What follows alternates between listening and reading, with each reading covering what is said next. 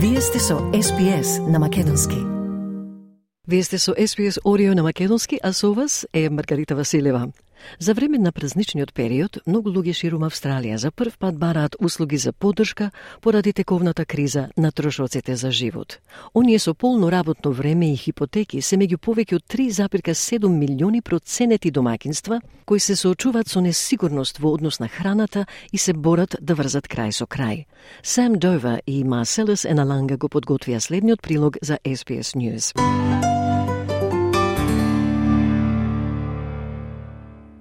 Како што продолжува кризата со трошоците за живот, се проценува дека повеќе од 3,7 милиони домакинства низ Австралија се соочуваат со несигурност во храната. Оваа бројка, пронајдена во извештајот за глад на Food Bank за 2023 година, е зголемување од 10 во однос на 2022 година и знак дека зголемената цена на стоките ги турка семејствата во понатамошна нестабилност. Многу австралици за прв пат бараат помош од службите за поддршка на заедницата, вклучувајќи ги оние со полно работно време и хипотеки.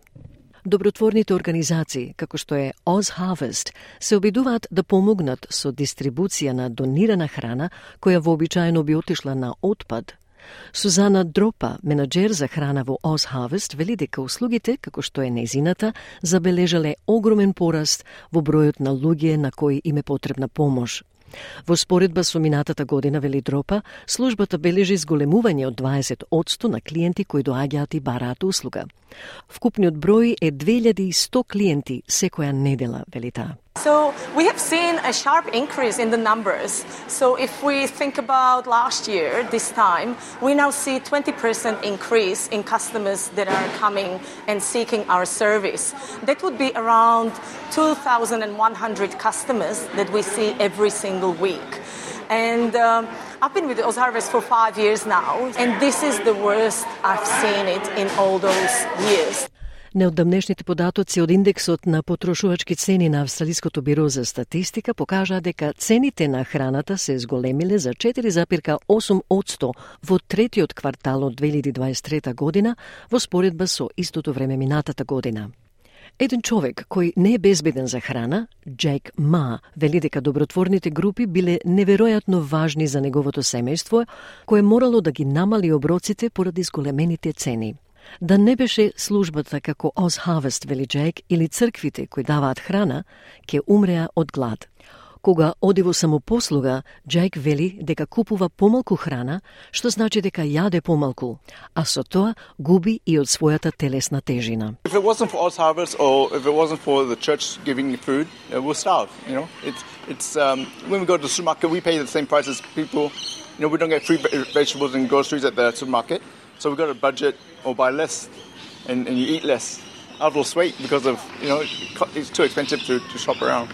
Оз Harvest зема непродадено свежо овоше и зеленчук од супермаркетите пред крајниот датум или рок на употреба и потоа ја дистрибуира храната до добротворните организации низ целата земја. Се проценува дека во Австралија една од пет шопинг кеси оди на отпад околу 7 милиони тони храна секоја година. И клиентите во Oz Harvest во Сиднеј се благодарни за преостанатата храна, додека складираат потребни состојки за празничниот период. Еден корисник на услугата, Рој Расел, вели дека би сакал да види поголема поддршка за добротворната организација, поради што оваа организација му даде неверојатна поддршка. Well, Oz Harvest has helped me incredibly. You know, I come here every week and it makes it much, much easier. You know, I wish they had more support support and more, more encouragement from the government or the community. А во меѓувреме, оваа празнична сезона, многу австралици ги менуваат своите навики за трошење и го намалуваат купувањето подароци. Едвина Макдоналд е вршител на должноста CEO или шеф на Австралискиот совет за социјална служба. Госпогицата Макдоналд и другите застапници ја повикуваат федералната влада подобро да ги поддржи луѓето со ниски примања кои го носат товарот од оваа криза на трошоците за живот. Макдоналд вели бараат итно зголемување на исплатите за поддршка на приходот за да се усогласат со пензијата од 78 долари на ден. Застапничката ја повикува владата да го зголеми финансирањето на службите во заедницата, за да може да ги поддржи луѓето во време на потреба, а исто така и да се разгледаат начини за намалување на трошоците за енергија за луѓето со најниски примања. So we're asking for an urgent increase to income support payments to bring those up in line with, at least in line with the pension of $78 a day. Uh, we're calling uh, on the government to um, increase uh, funding to community services to be able to support people in times of need. Uh, and also to look at ways to reduce energy costs for, for people on the lowest incomes. За време на празничната сезона, добротворните услуги велат дека голем дел од нивните корисници исто така бараат и дружење. Сузана Дропа од Oz Harvest вели дека пријателството и пристапот до заедницата понудени во добротворните центри и шпајзовите за храна се голем дел од привлечноста на овие тела. Таа вели убаво е што луѓето може да се поврзат поради што некои луѓе се и осамени. Голем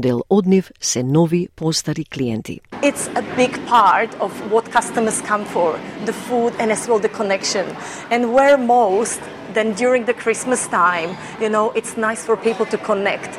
And some people are lonely. We have so many new as well elderly customers.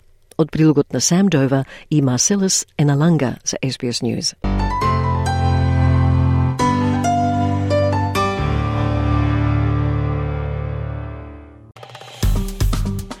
Стиснете, ми се допаѓа, споделете, коментирајте. Следете ја SPS на Македонски на Facebook.